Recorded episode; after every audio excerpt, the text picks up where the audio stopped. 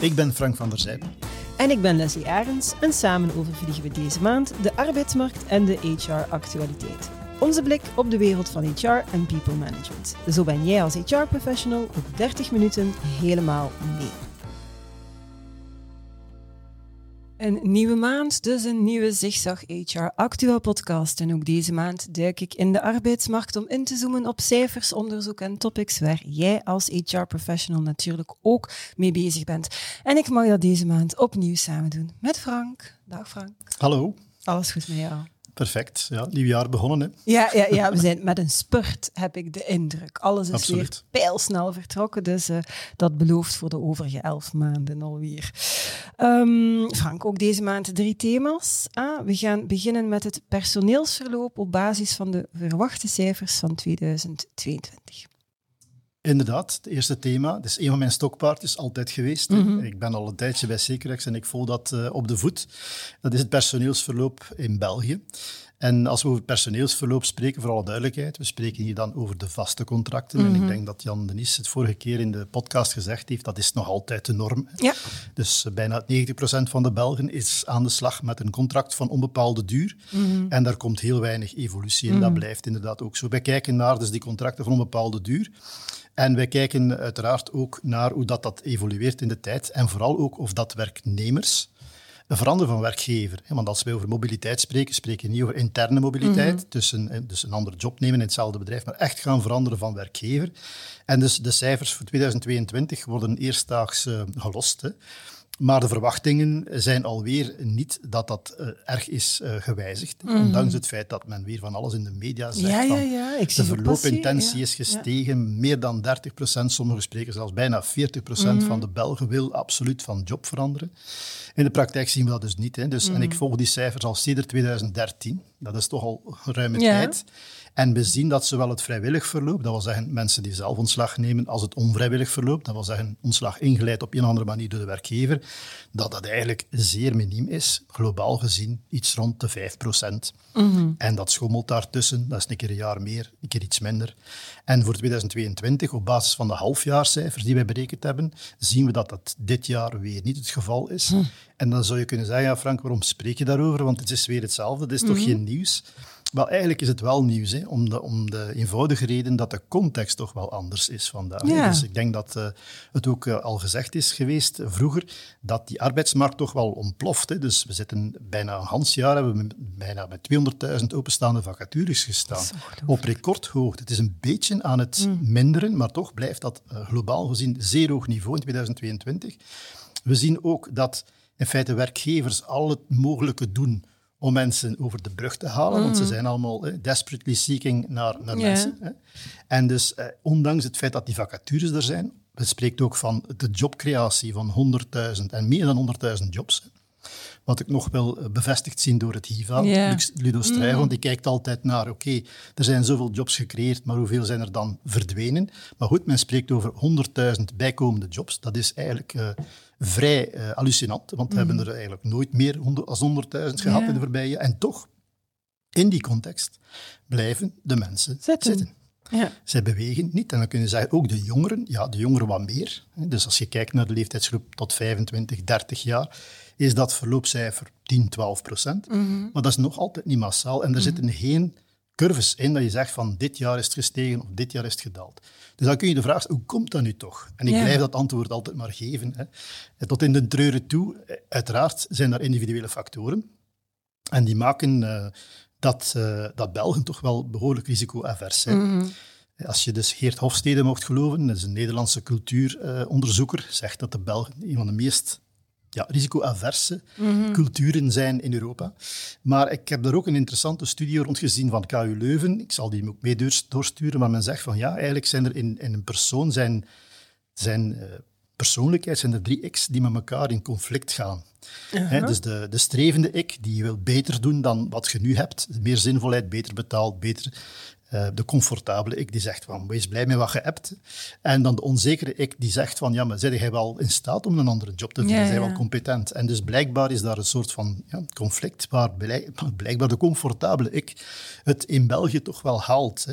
En dat heeft ook te maken met, met de maatschappelijke context rond mm dat verloop. We zien dus dat eigenlijk het systeem uh, en of dat goed of slecht is, laat ik in het midden toch wel mensen aanraad om te blijven zitten. Ja. Anciëniteitsgebonden verloning, anciëniteitsgebonden voordelen, tijdelijke werkloosheid op het moment dat het wat slechter gaat, eh, index, um, automatische loonindexering, ja. dat uw loon vermeerdert. In feite moet je niet veranderen van job, want uw loon vermeerdert. Er zijn allemaal zaken die toch wel mensen op een stoel laten zitten. En nogmaals, op zich is dat geen probleem als mensen maar langer blijven werken. Maar dat is dan nog wel een probleem, omdat we toch die keuze niet maken die we zouden moeten maken soms. Dus dat is waarom ik blijf zeggen, personeelsverloop is toch wel een issue. En dat mogen we niet uit het oog verliezen. Ja, heel helder uh, van jou, Frank. Um, het tweede thema van de maand, dan, uh, daar heb je je mosterd gehaald bij het WK voetbal. Om de link te leggen met een nieuw focusrapport van uh, Zekerex over het belang van de perceptie van leiderschap. Inderdaad. Dus um, Vooral duidelijkheid, ik ben geen supporter van uw andere club. Ik ben eigenlijk geen maar. voetbalmaniak. maar wat mij wel interesseert in die meest belangrijke bijzaak, zoals dat genoemd mhm. wordt, is wat gebeurt er in die omkadering? Ja. En, en dus wat gebeurt er met spelers, met trainers, met bestuur?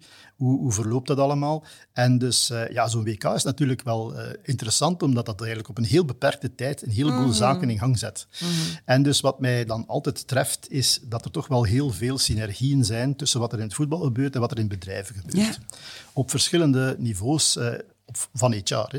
En ik ga ze niet allemaal opnoemen, maar bijvoorbeeld recrutering en selectie.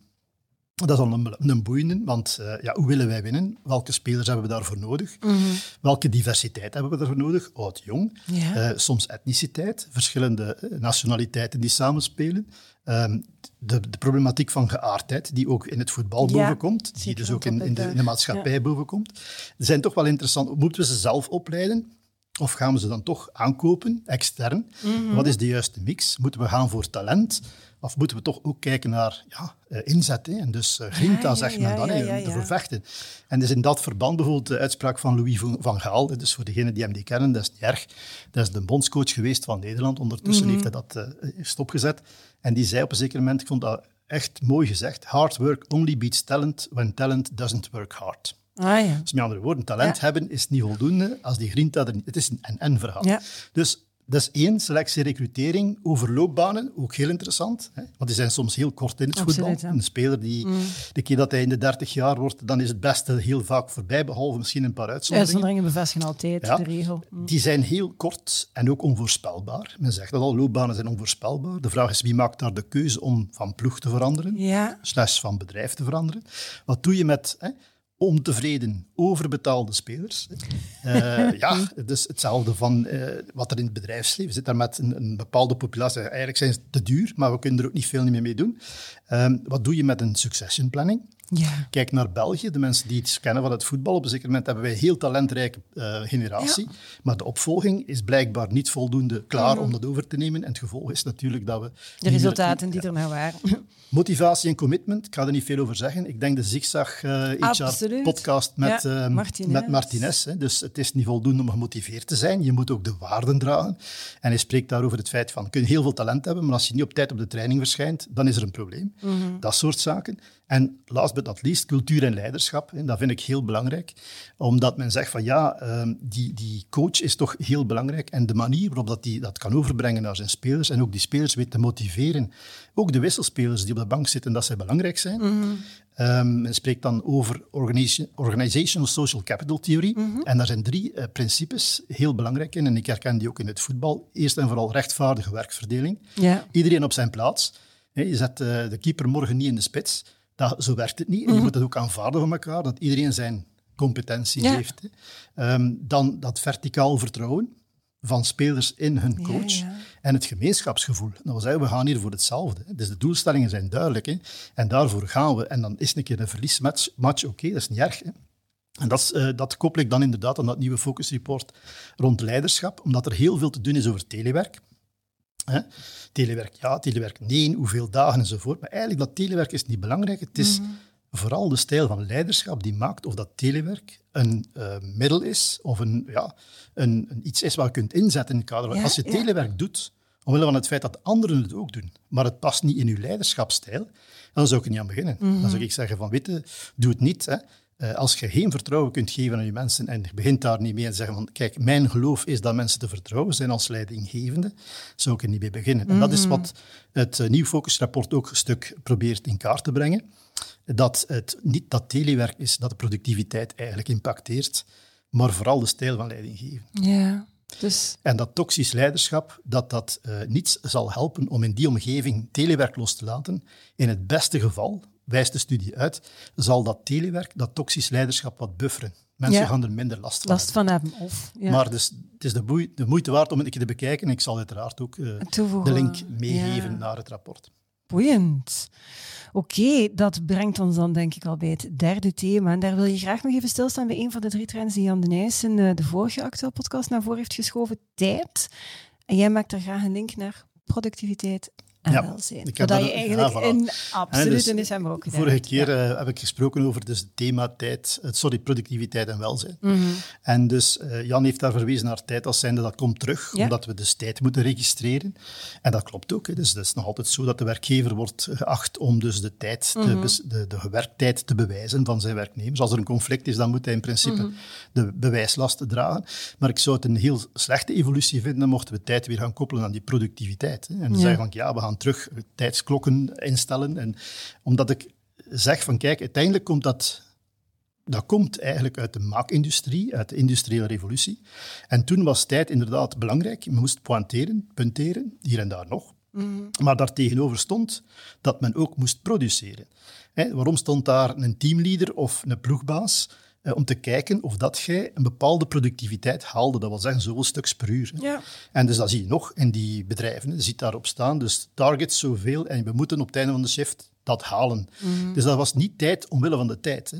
En dus ik, ik, uh, ik, ik huiver een beetje van de gedachte van, ja, als je er dan zijt, dat is voldoende. Ja. Mhm. Want er zijn is niet voldoende. Hè. Dus uh, werken en werktijd is eigenlijk voor mij nog altijd een resultaatsverbindenis. Ja. Dat wil zeggen dat daar tegenover staat dat je ook iets produceert. En in veel kennisberoepen is dat vandaag zeer moeilijk om dat soms te voorspellen en toch moeten we dat proberen te doen. Mhm. Als je tijd aan welzijn koppelt, dan ben ik weer voor. Ik denk dat we moeten inderdaad, ehm, zeker met telewerk en eh, de vervlechting, werk en privé, dat we moeten zorgen dat we ons niet verbranden en dat we mensen soms tegen zichzelf moeten beschermen door inderdaad ergens toch wel uh, ja, te gaan registreren. Als je zoveel uur gewerkt hebt, dan moet het stoppen, dan moet je rusten, dan moet je mentale hygiëne inbouwen, dan moet je andere dingen gaan doen. Mhm. En uh, ja, ik denk dat dat belangrijk is. En als tijd gekoppeld aan welzijn wordt, dan denk ik inderdaad dat dat een, goede zaak is. Maar aan productiviteit eh, vrees ik dat dat uh, achterhaald is, één. En twee, dat het niet altijd bewijst dat je ook productief geweest bent, mhm. omdat je daar geweest bent. Hè. Ik zie dus... Ik kijk altijd, mijn ver verleden heb ik in de distributie gewerkt en daar werkte mij met prikklokken. Mhm. En dus daar stonden ze bij, daar, daar hingen ze als de, een zwerm bijen rond de tikklok wanneer het vier uur werd om te kunnen tikken. En dat mag het mhm. dus ook niet zijn. Hè. Nee, nee. dus het is voor een stukje de invulling die werkgevers eraan zullen geven, die zal bepalen Recht op deconnectie is een mooi voorbeeld. Hè. Dus, uh, maar allee, daar weer, ik hoop dat we dat niet technisch gaan afdwingen. Hè. Want door de service af te leggen of stil te leggen, los je dit niet op. Nee. Nee. Uh, je kunt misschien wel bouwen aan een etiketten of aan een... Hè, zeg maar, als ik een mail toevallig stuur na zeven uur, dan verwacht ik geen antwoord. Mm -hmm. Dat zijn andere zaken die je kunt invoeren om toch dat recht op deconnectie ja, een stuk uh, te, te, waarborgen aan mensen. Absoluut. Dat brengt ons dan bij het cijfer van de maand. Je hebt er twee deze keer. Hè? Ze zijn gelinkt natuurlijk. Hè? Dus, uh, mm -hmm. Het mhm. cijfer dat mij getroffen heeft, uh, is verschenen in de standaard in december 2022, dus het einde mm -hmm. van het mhm. jaar. En dus, daar stond in, elk jaar stromen 15.000 langdurig zieken uit naar het pensioen. Mm -hmm. En als ondertitel van de 10 Belgen die met pensioen gaan, leefde er één al van ziekteuitkering. Sommige van hen waren zelfs langer dan 20 jaar langdurig ziek. Ja. Dan koppel ik dan aan een tweede cijfer van het mm RISIF. Hè. En dat zegt dus dat we te maken hebben met een toename van 46 procent. 46 procent van langdurige burn-outs en depressies in vijf jaar. Dat zijn cijfers van het RISIF, dus die staan buiten enige vorm van subjectiviteit. Maar als ik dit zie en dan zegt men, ja, mensen van, van 50 tot 64 jaar blijven, blijken het meest getroffen door langdurige arbeidsongeschiktheid, door burn-out en depressie. Mm Dan heb ik de indruk, of dan heb ik de neiging om te zeggen, ah, brugpensioen is weg. We zijn nu vervangen door langdurig zieken en dus zelfs door invaliditeit. En dat is voor mij een zeer onrustwekkende evolutie. Gezien dus wij één nog altijd met een progressieve vergrijzing zitten, dus het aantal meer ervaren mhm. werknemers neemt toe. De druk om langer aan de slag te blijven, we moeten langer werken. Beperkte her- en tewerkstellingskansen van 55-plussers. En bovendien de laatste studie van UGent at Work eh, van Louis Lippens rond ja, leeftijd is de grootste basis van discriminatie, bij aanwerving. Dan zeg ik, jongens, waar gaan we naartoe? Hè? Als dit niet opgelost wordt, dan gaan we dat cijfer alleen maar Goh, Frank, ik word er niet vrolijk van. Nee, dat is niet oké. Maar het is, het is, ook een onrustwekkend cijfer, want het betekent eigenlijk dat dat eh, langdurig ziektestelsel een stuk het portaal is geworden van een pensioen voor een aantal mensen. Terwijl dat we allemaal op zoek zijn naar talent. Uh, en dus ook de tewerkstelling van de 55-plussers stijgt, mm zien we toch dat we een deel echt uh, niet uh, recupereren en dat het heel moeilijk zal zijn. Om, vooral, het zijn vooral de vrouwen die langer werken. Hè. Dus die, die, die Wij moeten het hier eigenlijk weer allemaal recht houden, daar komt het op Maar het is niet evident als je ziet dat er zoveel mensen in feite dan op het einde van de rit uitvallen. En heel vaak omdat ze zeggen, ja, wat kan ik nog, wat, wat wil ik nog? Er is niemand die ons nog wilt. Ja. volgens Stijn Baart zijn, we, zijn dus die mensen dan in, eerste plaats, dat zal wel zo zijn, te duur, niet mee met de technologie, niet flexibel genoeg, uh, uh, missen competenties. En, en dat is een van de redenen, of zijn de redenen waarom men ze eigenlijk zelfs niet meer mm. uitnodigt. Maar het is natuurlijk verlies. En als wij ooit die 80% willen bereiken, dan zullen wij die mensen wel moeten kunnen activeren. Ja, geloof jij er zelf nog in, denk ik? Dat is uh, op zijn minst uh, iets waar we... Allez, dan zal er toch wel iets moeten gebeuren aan die arbeidswetgeving en aan heel de omkadering van die arbeidsmarkt. Anders gaan we dat niet bereiken. Ja. Nee. Oké, brengt ons dan naar het onderzoek van de maand. Dat is er deze keer een van de, de Vicar Unit over informeel leren en ja. leertransfer. Ja, ik heb dat gekozen omdat één, leren is natuurlijk, ja, het staat alle dagen in de krant, hè, in, mm. in de media. Leren is superbelangrijk, uh, levenslang leren. Ik hou, dat, ik hou niet van het woord, dat weet je mm. ondertussen, maar we moeten constant bijleren. En dan uh, hebben we daar de arbeidsdeal en die zegt, ja, als we niet leren, hè, want we zijn in België geen goede leerlingen in dat mhm. verhaal, als je kijkt in Europa, ondanks het feit dat bedrijven al degelijk die investeringen doen. Absoluut, hè? Maar blijkbaar is er een groep mensen die dan toch niet leert of te weinig leert. En we zeggen, nou, ja, maar dat komt omdat ze geen tijd hebben mhm. om te leren. Hè. En dus de illusie dat werknemers zouden daarvoor de tijd niet krijgen, maakt dan waarschijnlijk dat we zeggen in de arbeidsdeal, ah, vanaf 2023, vier dagen erbij. Vanaf 2024 mm. is het zelfs vijf dagen erbij. En dan gaan ze wel leren. En daarom hebben we dat onderzoek van de Vigor Unit gekozen, omdat dat onderzoek nagaat van... Wat, wat gebeurt er nu eigenlijk? Wanneer leren mensen? En vooral mhm. informeel leren, dat wil zeggen niet opgelegd leren. Mhm. Mhm. Eigenlijk bijna leren zonder trainer, zonder klaslokaal. E-, het echte vorm van leren, vergeet ook niet dat 70% van het leren niet in Op een klas gebeurt, maar echt on the field. Hè. Mm. En dus wanneer gebeurt de training transfert? In die zin dat het geleerde ook wordt verankerd in het gedrag en dat je kunt zeggen, ja, men heeft daar nu iets geleerd. Wat zie je dan? Eh, ben ik natuurlijk gaan kijken in die studie, want dat zijn metastudies. Dat wil zeggen dat men tientallen studies rond dat thema uh, bijeenbrengt. En wat zie je dan? Heel leuk, ik had het ook als het cijfer van de maand kunnen gebruiken. Maar de correlatie tussen leren, informeel leren en de hebben van de beschikbare tijd mhm. is amper 0,18. kijk, dat is bijna niks. Als je dan kijkt naar leermotivatie, curiosity, dat is dus eh, ondersteuning van uh, de leidinggevende, van de organisatie, van de collega's ook als iemand leert. Dat zit met correlatiecoëfficiënten 0,30, 0,40. Mm. Wat mij doet zeggen, het is niet de tijd die je moet geven, maar je moet mensen dichtbij datgene brengen wat hen werkelijk interesseert. Ik denk dat Philippe de Fruit en Bart Will het ook al een keer gezegd hebben. En dan is de kans dat ze gaan leren het grootst en ook dat het verankerd wordt. Ik zie in mijn, in mijn eh, omgeving, en waarschijnlijk jij ook, mensen die, om, om, uh, die op vlak van hun hobby's veel meer weten dan over werk. Absoluut. Omdat ze, wat ze daar leren, dat is wat hen echt interesseert en dan verankeren ze onmiddellijk. Mhm. En het is natuurlijk idealistisch om dat eh, mensen dichter te brengen bij, maar toch moeten we dus de vraag stellen, het is niet it. De, de vier dagen die gaan zorgen die het verschil mensen gaan maken of die plots gaan, leren. We, je kunt ze allemaal in een klaslokaal op, uh, opsluiten in een dag en dan verwachten dat ze het geleerd hebben. Maar zo werkt het niet. Dus ik vond die studie toch wel interessant. Misschien is dat iets voor onze politiekers om een keer naar te kijken en te zeggen, ja, misschien moeten we toch al iets anders doen. Dan, dan, misschien is het inzetten op loopbaancoaching veel belangrijker, of loopbaanbegeleiding, om te kijken waar liggen nu die uh, deeply embedded interests van mensen en hoe kunnen we ze daar dichter bij. Ik las uh, een interview van Sarah van Steenkisten over de, een van de hindernissen om dus de inactieven actief te krijgen, mhm. is dat loopbaancoaching blijkbaar voor die inactieven niet toegankelijk is. Of ze moeten het zelf financieren. ja, jongens, als je ze wil activeren en ze zijn geïnteresseerd om op de arbeidsmarkt, helpt ze dan zoeken naar datgene wat ze graag en goed gaan kunnen en dus ook gemakkelijk gaan absorberen en mhm. verankeren. Ja, dus vertrekken vanuit uh, die interessegebieden, dat was effectief de insteek van de podcast met Philippe ja. en Bart Welle. Heel boeiend, dus die gaan we ook uh, heel binnenkort delen. Goed, dan um, komen we aan het boek van de maand. En dat is deze keer geen HR-boek geworden. Nee, nee, ik heb het bij. Dus het is, uh, het is geen HR-boek. Het is een boek van psychiater Dirk de mhm. Wachter. Het is eigenlijk wel mijn lievelingsauteur geworden.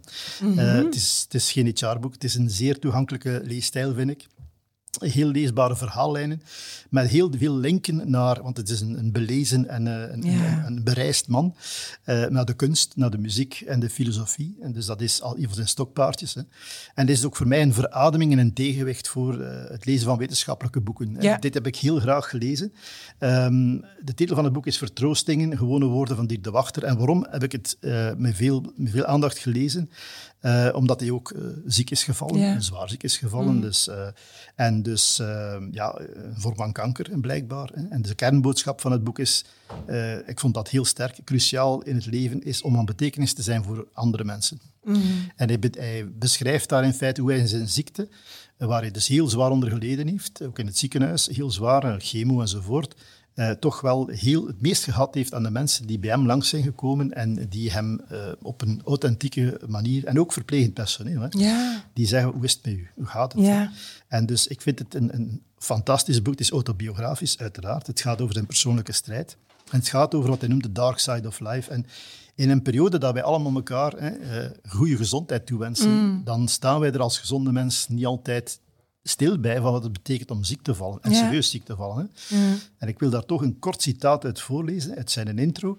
Het menselijk bestaan meandert onvoorspelbaar door de oneindigheid van de kosmos. Met wat geluk blijft de weg redelijk begaanbaar en vliegen we niet uit de plots opdoemende bochten. Mm. De kunst van het leven bestaat erin om aan de goede kant van de baan te blijven, daar waar het licht schijnt, waar de bermen stevig zijn en de zon ons aangenaam kan koesteren. Vorig jaar kwam ik zelf voor een haarspelbocht te staan boven een diepe afgrond.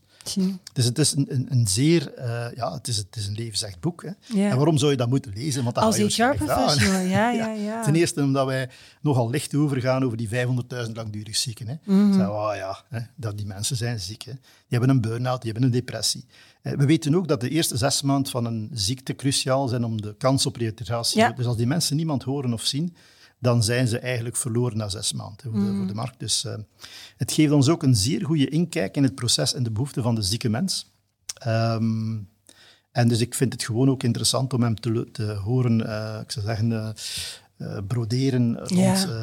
Bach en hoe de muziek hem geholpen heeft.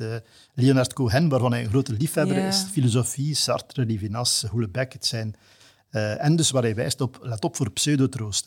Sommige mensen zeggen van, ah, ik ga een keer goed gaan eten. Hè. Ik ga een keer helemaal uit een bocht gaan vanavond. Want dit is niet wat hij bedoelt met troost. Hè. Mm -hmm. En dus, um, ja, ik zou zeggen, allez, ik, ik, het is een actuele podcast voor diegenen die nog kunnen. Ga kijken naar de film mm -hmm. De Acht Bergen. Is dat, is ik hoor het overal. En dus ja. ik, ga de, ik ga niet spoilen, maar als je dit meepakt, dit verhaal, naar daar, dan ga je begrijpen, oké, okay, dus waar ja. gaat het over in feite? In het leven. Hè. Dus, en dat is denk ik heel, heel uh, ja, misschien beetje uh, zweverig, maar toch, ja, hij raakt daar toch wel, raakt daar toch wel zaken. Ja. Um, ja, en dus hij spreekt over, en dan mee ga ik het stoppen, want ik ga het, het boek moet, moeten we het lezen, denk ik. Kijk, ik heb het gelezen, heel wat, er zitten heel wat uh, zaakjes ja, ik zie het uh, Hij spreekt daarover, uh, Jean-Paul Sartre, die zegt, l'enfer c'est les autres. En hij zegt, nee, nee, dat is niet juist, l'enfer c'est le manque des autres. Mm. Dus dat Mooi. is echt dat is de hel, zegt hij, als er niemand ja. meer is rond u. Ja. Um, en dan ook, een ander citaat is van groot belang, dat we een goede sociale zekerheid hebben, maar dat is nooit helemaal voldoende. Iemand moet u aankijken en vragen, hoe is het met u? Ja. Dus ik vind het een, een, zeer... Ja, ik heb het bijna in een trok uitgelezen. Het leest heel vlot. Mm En ik denk uh, ja, dat we daar een keer moeten bij stilstaan. Ja. Soms bij wat dat betekent om ziek te vallen als gezonde mens. En hoe snel dat je vergeten wordt. Ja. Ja. Dus Ja, pijnlijk. Uh, ja, en, en ook de film heb ik, uh, heb ik onthouden. Lessen voor HR van de verdrietdokter. De verdrietdokter, ja, fantastisch. Dus, Blijkbaar heeft zijn, zijn dochter hem ooit zo voorgesteld in de klas, in de kleuterklas. Ja. Dus ze vroegen, wat doet uw papa? Hè? Ja, en ze zei, ja, wat moet ik het nu zeggen? En dus ze heeft hem dan de titel van Verdriet, verdriet toebedeeld. Ja, ja. mooi. Um, laatste thema dan van de podcast um, af te ronden. Ik vraag je ook altijd om op zoek te gaan naar een uitspraak die een bijzondere indruk heeft nagelaten. Is er eentje geworden van Laszlo Varro over de toekomst en over God. Dat ga je toch een klein beetje moeten duiden. Hè? Vooral duidelijk, ik ken die man dus niet. Ik heb er ook nooit iets van gelezen. Ik kende hem ook niet. Nee, Maar de, de, uitspraak viel mij op, is verschenen in de tijd ook, in, uh, op het einde van het jaar. Mm -hmm. En dus de titel van het stuk was, we denken uh, na over toekomsten. Mhm. Alleen God kent de toekomst. En dus we zien, en ik heb het ook gedaan, en Jan heeft het gedaan, en iedereen doet het, het is bon ton, om dus begin van het jaar te zeggen van waar gaan we naartoe, wat is de mhm. toekomst, welke soort dingen komen er op ons af. En dus de man, uh, Laszlo Varro, werkt dus eigenlijk bij Shell, dus uh, gekend, dus, uh, en dus werkt daar in het scenario-team. Mhm. En dus wat doen zij in feite? In plaats van te zeggen van dit is de toekomst, gaan zij in feite op basis van wat zij zien in de omgeving verschillende scenario's uittekenen mhm. wat zich zou kunnen afspelen in de nabije toekomst. En in plaats van dan zelf te kiezen en te zeggen dit is het scenario dat we moeten volgen, gaan zij die scenario's voorleggen aan een managementteam mm en gaan zij in discussie met het managementteam wat lijkt u nu de meest plausibele weg hè, om dus onze strategische planning op te bouwen. En dus wat ik zeer interessant vind, want je kunt natuurlijk verschillende scenario's bouwen. Wat interessant is, is dat hij na vijf jaar zijn PowerPoints terug ophaalt en kijkt waar oh. zaten we juist ja. en waar zaten we niet juist. En dan zegt hij van, uh, wat ik daaruit kan leren is, de vraag is niet of je in staat bent om de toekomst perfect te voorspellen, maar wel wat je kan leren van de verrassingen die onderweg zijn opgedoken. Mm. Om dus de volgende keer toch wel misschien nog accurater te zijn. Dus ik vond dat wel interessant. En ik zei ja, in plaats inderdaad van één uh, scenario moeten we misschien toch wel een aantal scenario's. Uh, ja, naast elkaar leggen en dan daaruit gaan kijken wat lijkt nu gegeven omstandigheden ja. plausibel. En dan terugkijken of heeft dat zich nu voorgedaan? Wie had COVID voorzien? Maar een paar jaar terug. Dus zo ver kan je ernaast zitten. Hè. En dat is de les, denk ik, die hij ons brengt van let op. Alleen God kent de toekomst en dan nog. Ja. En dan nog. Als die dan bestaat. Hè. Dus uh, ja. voilà. Waar knap. Ik vond een, een actueel podcast, maar hier en daar toch een kleine filosofische inslag. Ook dat is mogelijk. Hè. Super fijn. Dankjewel, Frank, voor opnieuw een heel fijn gesprek. Merci. Hm. Dank u. Dankjewel ook uh, aan jullie om te kijken of om te luisteren. Vond je deze podcast fantastisch? Vertel dat dan zeker aan zoveel mogelijk HR-professionals. Verder weet dat er volgende maand weer een actueel podcast zit aan te komen. 30 minuten, dan ben jij helemaal mee met het allerbelangrijkste wat er reelt en zeilt in onze arbeidsmarkt. Allerbelangrijkste weet je natuurlijk ook al heel erg lang. It's a great time to be in HR. Tot de volgende.